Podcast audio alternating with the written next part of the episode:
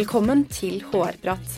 I denne podkasten intervjuer vi HR-ledere, ledere og andre spesialister på sitt felt for å diskutere de utfordringene som dagens HR-ledere står overfor. Vi tar opp temaer innen ledelse, organisasjon, arbeidsrett og praktiske utfordringer innen HR. Mitt navn er Lene Gjevert, og jeg jobber som HR-manager i Visma. Velkommen til ny episode av HR-prat. Dagens tema er de nye varslingsreglene, og for å snakke om dette har vi invitert Christian Aalmo. Velkommen til deg. Takk skal du ha. Kan ikke du begynne med å fortelle oss litt om deg selv? Eh, jo, jeg kan jo det. Jeg er jo advokatfullmektig i Storengbekk Dulund. Jobber med arbeidsrett.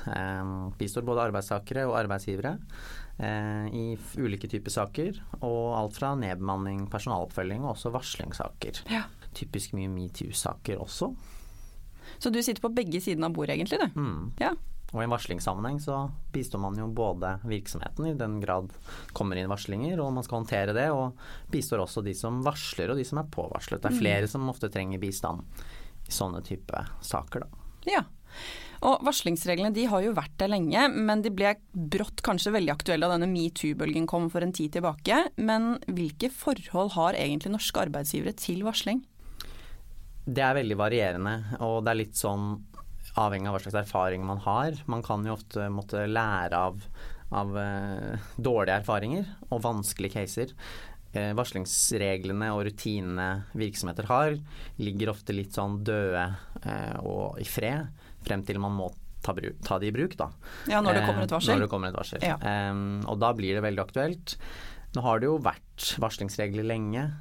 Det som er litt spesielt i Norge, er at varslingsreglene befinner seg i arbeidsmiljøloven. I mange andre land så befinner varslingsreglene seg i egne lover. Okay. Fordi tanken er jo at man skal avdekke kritikkverdige forhold i samfunnet, samfunnsproblemer. Og så har man jo sett at det er på arbeidsplassen en del av disse samfunnsproblemene kommer til syne. Mm. Og så er man plassert i arbeidsmiljøet. Da blandes det på en måte litt inn i personaloppfølgingen. Det skaper litt forvirring både for arbeidsgivere og arbeidstakere. Ok, Men nå har det faktisk kommet nye regler, eller det har jo i hvert fall vært en endring i reglene. Hva er det som egentlig er nytt? Altså, eh, tar jo litt tid å gå inn i alle de eh, endringene, men sånn kort oppsummert så er det syv ting som man har eh, endret. Og en del av endringene er spesifiseringer eh, og på en måte detaljregulering av noe man har hatt før. Man eh, har definert, prøvd å definere hva som er dette som kalles kritikkverdige forhold. Hva man kan varsle om, hva som omfattes av varslingsreglene. Man har uh, endret uh, loven hva angår arbeidsgivers omsorgsplikt. Man har um, ilagt et objektivt erstatningsansvar. man har krav til at virksomhetene har varslingsrutiner. Og man har også lovfestet en aktivitetsplikt. Mange av disse tingene har man jo tenkt har ligget der fra før. Fordi kommer det et varsel som handler om arbeidsmiljø, så ligger det på en måte i systemet at det må man gjøre, gjøre noe med. Mm. Men nå, nå spesifiserer man det og og regulerer det eksplisitt i loven, en del av disse tingene. Og Hvilken praktisk betydning har det? Det, praktisk, det er jo, Med lovendringer så har det jo både en innholdsmessig side, at man skal få reglene på plass. Her tenker jeg at det har en størst pedagogisk effekt. Ja. Og gir på en måte litt oppskrifter på hvordan arbeidsgivere kan håndtere varsling. Og kanskje mer forutsigbarhet for arbeidstakeren når man vet hva dette dreier seg om mer. Da. Mm. Men de nye reglene gjør jo at man kanskje bør ta en gjennomgang av egne varslingsrutiner. Eh, hva tenker du er viktig å være obs på for at man faktisk skal oppfylle de nye kravene? Eh, krav til rutiner om varsling, det vil jeg, vil jeg, si, og det tror jeg mange er enig med meg i at har ligget der fra før. Mm. Um, men nå følger det av uh, loven at virksomheter med minst fem ansatte plikter å ha rutiner for intern varsling. Eh, og Det gjelder også med virksomheter med færre ansatte, dersom forholdene tilsier det. Det kan være konkrete forhold hvor, typ, hvor man typisk er utsatt. Mm. Eh, rutinene skal inneholde liksom hvem det skal gis til, eh, hva slags tidsaspekt man ser for seg, hva man kan forvente av tilbakemelding, eh, dette med anonymitet, konfidensialitet, sånne ting eh, som arbeidstakerne lurer på. Da. Det skal være liksom forståelig. Mm. Men rett før jul så kom det en historisk dom. Eh, da var det en arbeidsgiver som ble dømt i lagmannsretten for å ikke ha håndtert et eh, varsel om seksuell trakassering. Hva er det holdt på å si, vi andre arbeidsgivere kan lære av denne dommen? Jeg tenker i, i første omgang så, så, tror jeg man bare må forvente at flere og flere av disse sakene kommer opp for domstolene. Man, eh, det er en del bevegelse rundt omkring blant fag fagbevegelsen og eh, andre aktører som vil sette søkelys på dette. og alle disse sakene er veldig konkrete, selvfølgelig. Også denne dommen handlet om seksuell trakassering og, og spesielle forhold som gjorde at man idømte både arbeidsgiver og en annen aktør erstatning mm. for de manglende oppfølging. Og det, det er jo et uttrykk for en tendens at dette vil man slå hardt ned på, da. Men uh, du sier at du tror det kommer til å bli flere av disse typer sakene. Hvordan er egentlig klimaet i dag for å varsle i norsk arbeidsliv? Altså Varsles det for forhold som faller utenfor betegnelsen kritikkverdig forhold, eller er det sånn at det ja, uh, varsles når det ikke er klare brudd? Altså når det kun er på en måte dette er en negativ tilbakemelding, men det er egentlig ikke en varslingssak? Nei, du er helt klart inne på noe bare i spørsmålsstillingen. At ja. um, det varsles jo en del eh, om ting som ikke er kritikkverdige forhold. Samtidig så man skal være forsiktig med å liksom kritisere at man benytter seg av et ytringsklima som er bra, at man benytter seg av varslingsreglene. Eh, men det varsles mye om ting som ikke er kritikkverdige forhold, mener jeg. Mm. Faglig uenighet, arbeidsgivers prioriteringer, eh, virkemidler i nedbemanning, ledelsesstil og konflikter, da. Mm. Som egentlig burde vært håndtert på en annen måte enn gjennom varslingsinstituttet, mener jeg. Men hvordan skal man da håndtere det hvis eh, en av de eksemplene du drar opp, da, hvis eh, man som HR eh, mottar et varsel på f.eks. en konflikt eller en prioritering eller hva det måtte være, og man tenker sånn dette her er, burde jo egentlig ikke vært et varsel, dette her er jo noe vi burde kunne sette oss ned og ha en samtale om. Helt klart. Men hvordan skal man da gå frem for å løse det? Skal du løse det som en ordinær varslingssak? Alle saker, klager, bekymringsmeldinger må jo håndteres. Enten om det handler om liksom, relasjoner på jobben, eller om det handler om enkelte arbeidsforhold, oppfølging av den enkelte, klager på sitt eget forhold, da må jo håndteres. Så det er nok viktig, tenker jeg, dette med forundersøkelse. Prøve å liksom kartlegge hva er det vi har foran oss. Mm. Hvilket spor skal det inn i? Er det en bekymringsmelding, en klage på noe som ikke er kritikkverdig forhold, eller er dette noe som har allmenninteresse, noe samfunnet er opptatt av, noe som vi vil bli eksponert for, og som vi bør håndtere med en litt større undersøkelsestype, da. Men å på en måte ta den bruke litt tid innledningsvis på å finne ut hva det er. Eh, vi hos oss kaller det i hvert fall forundersøkelse, det tror jeg mange andre juridiske rådgivere gjør for å på en måte plassere det. Mm. Eh, for å velge riktig metode og virkemiddel, da. Men, og eh, avvise saker. Ja. Det er jo også et lite mantra, ja. syns jeg. Eh, det er jo noen ganger man kan si at dette er ikke varsling om kritikkverdige forhold, helt klart. Det krever kanskje en litt mer sånn opparbeidet magefølelse mm. for HR og ledere. og de som håndterer det. men det tenker jeg at man i noen tilfeller kan bli litt tøffere på, da.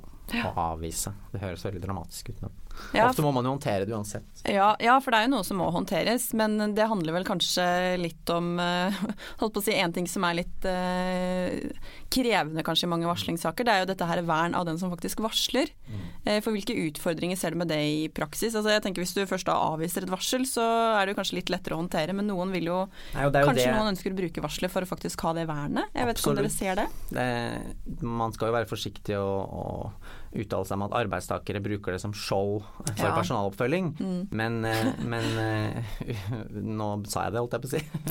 men det, det, gjøres jo, mener jeg, en del. Man, man, er i krevende omstillingsprosesser, man er i krevende personaloppfølgingsspor. Um, og man tar på seg varslerhatten, da for å beskytte seg. Fordi man har hørt om dette gjengjeldelsesvernet, som tror man at man er helt Freda. fredet. Det er jo en misforståelse. Mm. Men hva er det som ofte skjer, eller sånn, hvilke utfordringer er det med dette vernet av den som varsler, og den det kanskje varsles om? Hvilke utfordringer ser dere av det i praksis? Jeg tenker ofte i litt av de eksemplene du er inne på, så vil det jo kunne være at noen varsler om en leder. Eh, og da er man selv kanskje vernet hvis det er, liksom, hvis det er et tvilstilfelle eventuelt. Og det vil jo da være krevende for den lederen som kanskje egentlig ja. prøver å gjøre jobben sin, og kanskje også faktisk egentlig bare gjør det. Absolutt, eh, og det har jeg vært borti mye. Ja. Eh, det man i hvert fall for tanken, da, ledere og de som jobber med HR, personalfunksjon og varslingshåndtering, eh, det er jo på en måte å se for seg at man ikke har disse reglene i det hele tatt.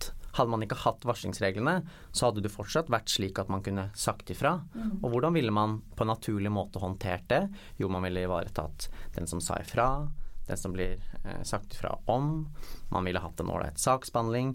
Det er på en måte ikke hokus pokus, men dette gjengjeldelsesvernet, den varsleren, den omvarslede, alle disse begrepene gjør at det blir veldig sånn voldsomt. da. Mm. Skal snu hver stein, eh, og man får på en måte en sånn man får en vernet rolle og offerrolle mm. som kanskje er mer skadelig enn eh, en at det bidrar til noe godt. Da. Mm. Men du var litt inne på dette med forundersøkelser. Mm. Eh, for det tenker jeg det kan jo være en, et viktig virkemiddel da, for å løse disse krevende sakene på en god måte. Men hvordan kan man gjøre, på en måte, gjør, altså snu hver stein ja. på en god måte og bruke på en måte, det virkemiddelet som det faktisk er riktig? Det vi snakker mye om er liksom valg av metode, valg av undersøkelsesform. Um, fordi nå da med, de nye, med den nye lovendringen så så har dette med arbeidsgivers aktivitetsplikt blitt eksplisitt regulert. Arbeidsgiver må gjøre noe. Og så sier jo ikke loven om hva man skal gjøre, hvordan man skal gjøre det. Mm. Noen ganger så er det jo bare å snakke med folk, løse det på et lavt nivå fordi det er et relasjonelt problem eh, eller et lite arbeidsmiljøproblem, det er noe feil med arbeidstidsreguleringen, sånne ting. Eh, eller så må man eh, snu hver stein og sette i gang en litt større undersøkelse som vil ta lengre tid. Men at man har i sine rutiner, sin saksbehandling, at man må, man må, bruke litt tid på valg av metode, da. Mm. Men hvor vanskelig, eller hvor, på en måte, hvordan kan man med sikkerhet For det er jo litt krevende å avvise saker og det å bare løse det på et sånt Nå må vi, snakke, nå må vi klare å snakke sammen. Ja. Eh, hvordan kan man vite med sikkerhet at man avviser en sak og løser det på, holdt på å si, en sånn enkel måte og gjør det riktig? Eh. Altså det, man kan jo aldri være sikker på at man gjør eh, riktig. Og dette med kritikkverdig forhold, forhold, og ikke, det er jo eh, vanskelig. Ja. Eh, man har jo nå prøvd å gi en liste på hva som er typiske eksempler på kritikkverdige forhold, og så har man avgrenset mot forhold som gjelder deg selv. Ja. Man har prøvd å få bort med eh, endring i loven disse sakene som handler om den enkeltes arbeidsforhold.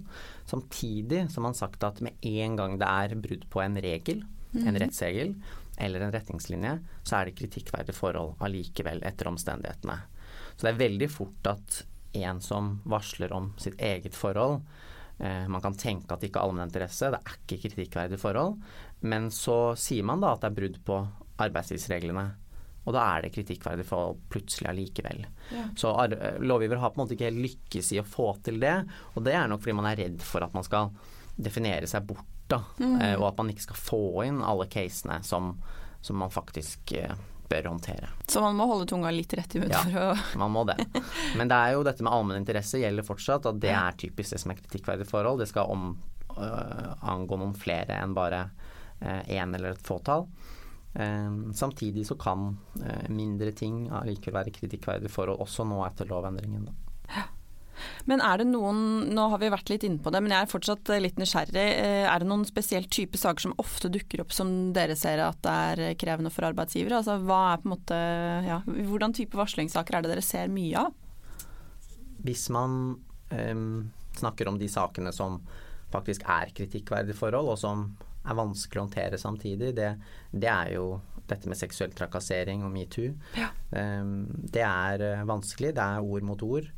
Eh, det er vanskelig å finne ut av hva som faktisk har skjedd, og hvem som har rett. Så er det dette med bevisbyrde osv. som gjør det komplisert. Det er de sakene som er kritikkverdige forhold, men som jeg mener er vanskelig å håndtere. De sakene som kanskje ikke er kritikkverdige forhold, som, uh, som, skaper mye problemer, det er dette med at man er utsatt for ledelse. Um, og at arbeidsgiver har benyttet styringsretten man har, agert i tråd med rammene man har i arbeidsretten. Da, og det arbeidsgiver og ledere kan gjøre. Og så blir det misnøye og uro knyttet til det, og så varsler man om det. Ja. Og da setter man hele virksomheten fort i sjakkmatt. Um, og da er det viktig å, å, å, håndtere det og lande det, og, og sette litt presedens mm. for videre, videre, saker. Og at man på en måte lærer opp virksomheten litt i hva som er og skal være varslingssaker og ikke. Hva er det som ligger i arbeidsgivers styringsrett, og hvordan skal ledere utøve det, egentlig? Ja, ja. og hva som Det er sånn at arbeidsgivers styringsrett er, den er sterk, og, og man har eh, vidtgående endringsadgang. Eh, man kan disponere relativt fritt innenfor rammene. Man må finne seg en del da, som mm. arbeidstaker, og det, det, er det en del sektorer og bransjer og virksomheter enkeltvis som, som sliter med. Da. Ja. Så havner vi inn i varslingssporet, og så blir det blir det gjengjeldelsesvern, og det blir eh, et ordentlig styr, rett og slett. Ja. Men du var jo litt inne på det eh, i forhold til metoo, mm. at de sakene er litt krevende. Nå er vi jo nettopp ferdig med julebordsesongen. Ja. Jeg tenker Det kan jo hende at noen starter Absolutt. dette nye året her med å få en litt sånn kjip episode. Hvordan angriper du det, hvis du liksom får høre at sjefen eller en eller annen ansatt liksom har oppført seg upassende og gjort ting som liksom ikke høres helt heldig ut, men hvordan skal man angripe en sånn sak? Altså Man må jo helt klart håndtere det. Eh, og så må man skille på de sakene som er alvorlige og de som ikke er alvorlige. Man må se an kulturen man har i organisasjonen. Og man må på en måte mm, på forhånd forhåpentligvis ha satt noen standarder da, for hvordan man skal oppføre seg. Um, og ta ja, for Hvis du det. har noen sånne standarder, ja, så, vil jeg, så, vil man jo kunne si ok, bryter du med det eller ikke. Så liksom ja, men det er julebord, ja men fortsatt så ja. Og det er arbeidsgivers styringsrett å bestemme litt hvordan man oppfører seg på de arrangementer som arbeidsgiver står for, da. Men eh, det bør man håndtere, fordi saker som handler om trakassering, alvorlige eller ikke Trakassering er jo alvorlig når det blir det, da. Men, eh, men på en måte utilbørlig atferd, upassende atferd, det bør håndteres fordi det kan fort gå utover arbeidsmiljøet på mandagen, på en måte. Ja. Og etter ferien. Mm. Det ser vi mye eksempler på. Det var ok når det skjedde, det var ikke så, var ikke så farlig. Og så, så, setter det seg da, hos de det gjelder. Ja, og det blir sykemeldinger av det, det blir sykefravær, og det blir krevende for arbeidsgiver å håndtere. Og det blir sånne lag, framfor at man kunne tatt det der og da. Ja. Ta tak i det. Og det mange ledere vegrer seg for å snakke om det der og ta tak i sånne saker, for det er jo fort litt kleint. Ja. Men uh, det bør man gjøre, fordi fordi konsekvensene kan bli mye større enn nødvendig da. Ja. Du var jo litt inne på det i forhold til å ha retningslinjer i forhold til hva som er grei atferd og ikke. Eh, og jeg tenker Det er jo kanskje en liten sånn hjelpetråd mm. egentlig for mange til når disse sakene dukker opp. Mm. Eh, det er jo vanskelig å regulere hvordan folk skal oppføre seg. Man prøver jo ja. å tenke at folkeskikk som man har lært opp gjennom, strekker til. da. Ja. Men, eh, men det, kan, det er spesielle settinger eh, i arbeidslivet som, som, kanskje gjør det vanskelig for folk å forholde seg til grensene. Eh, men å ha en tydelig kultur på hva som er innafor og utafor så godt det lar seg gjøre, det er jo å anbefale. Hvis man har noen verdier, verdier. så bør det vel i hvert fall Absolutt. være Da bør man i hvert fall kunne ha en diskusjon rundt er denne typen atferd ja. i tråd med de verdiene. Ja. Og så er det litt sånn arbeidsgiver må jo ta en vurdering. Er det nødvendig å ha flatfylla julebord, på en måte? Ja. Jeg syns jo man kan Vi har jo disse reglene, og man har saksbehandlingsspor, varslingsspor, uh, klagespor, bekymringsmeldingsspor. Det er jo mm. mange måter å håndtere dette på, men det å forebygge at uh, sånne ting kan oppstå da, på arbeidsplassen, det kan man jo ta kanskje en runde på mm. til, neste, til, neste, julebord. Men det er vel kanskje mindre kultur for det nå enn det det var tidligere? Ja, jeg tror det har blitt litt bedre. Det er jo en del virksomheter som har begynt å praktisere julebord uten alkohol. og ja. Julebord med følge. Det kan jo på en måte dempe en del av konfliktmuligheten. Ja. Eh, nå ble det veldig julebordfokus her, men, eh, men, det er jo ofte der noen av sakene i hvert fall dukker opp. Ja. Men hvis vi nå skal eh, runde av, så, og du kanskje skal kunne komme med noen råd til de HR-lederne der ute som hører på, hva er det de nå bør gjøre for å tilpasse seg de nye varslingsreglene, eller eventuelt for å håndtere varslingssaker? Jeg tenker i, første rekke er å gå gjennom de varslingsrutinene man har, få på plass varslingsrutiner hvis man ikke har det så må man jo se på de, de man har, og, og, knytte de opp til de erfaringene man har hatt. Da. Har man ikke så mye erfaringer, så kan man jo henvende seg til eh, personer som har jobbet en del med det. Det er jo masse bransje, bransjeorganisasjoner som kan bistå. Bedriftshelsetjeneste osv. Ehm, det å, å, på en måte ta for seg de rutinene man har, se på eh, hvordan saksbehandling man, man har i de rutinene, det, det, bør man på en måte ta tak i da. Det jeg er litt opptatt av, er å passe på den som er påvarslet. Mm. Fordi det er jo nettopp sånn at fordi man, man, varsler, man sier ifra, så vet man jo faktisk ikke ennå hva som har skjedd. Og den, den påvarslede, omvarslede, kall det hva du vil, den har jo krav på et forsvarlig arbeidsmiljø. Eh, og det synes jeg forsvinner mye i disse ja. sakene. Så det at man i rutinene har eh, en tanke om hvordan det skal håndteres, Ja. hvordan støtte man kan gi til den som er påvarslet, det tenker jeg er viktig å ta med seg. Ja. For å faktisk sikre at eh, man oppfyller forsvarlig arbeidsmiljø for den Ja. også. Mm. Man glemmer det fort. Ja. Og dette med en gjengjeldelse, det er viktig, gjengjeldelsesvernet. Samtidig så er man ikke vernet for vanlig personaloppfølging, Mm. selv om man er varslet. Tusen takk for gode råd, og tusen takk for at du kom. Takk for at jeg fikk komme. Og til deg som hører på, vi prates. Hvis du har temaer eller spørsmål du ønsker vi skal diskutere, send oss gjerne en mail på hrprat.visma.com. Og for flere episoder, sjekk ut visma.no slash podkast slash hrprat.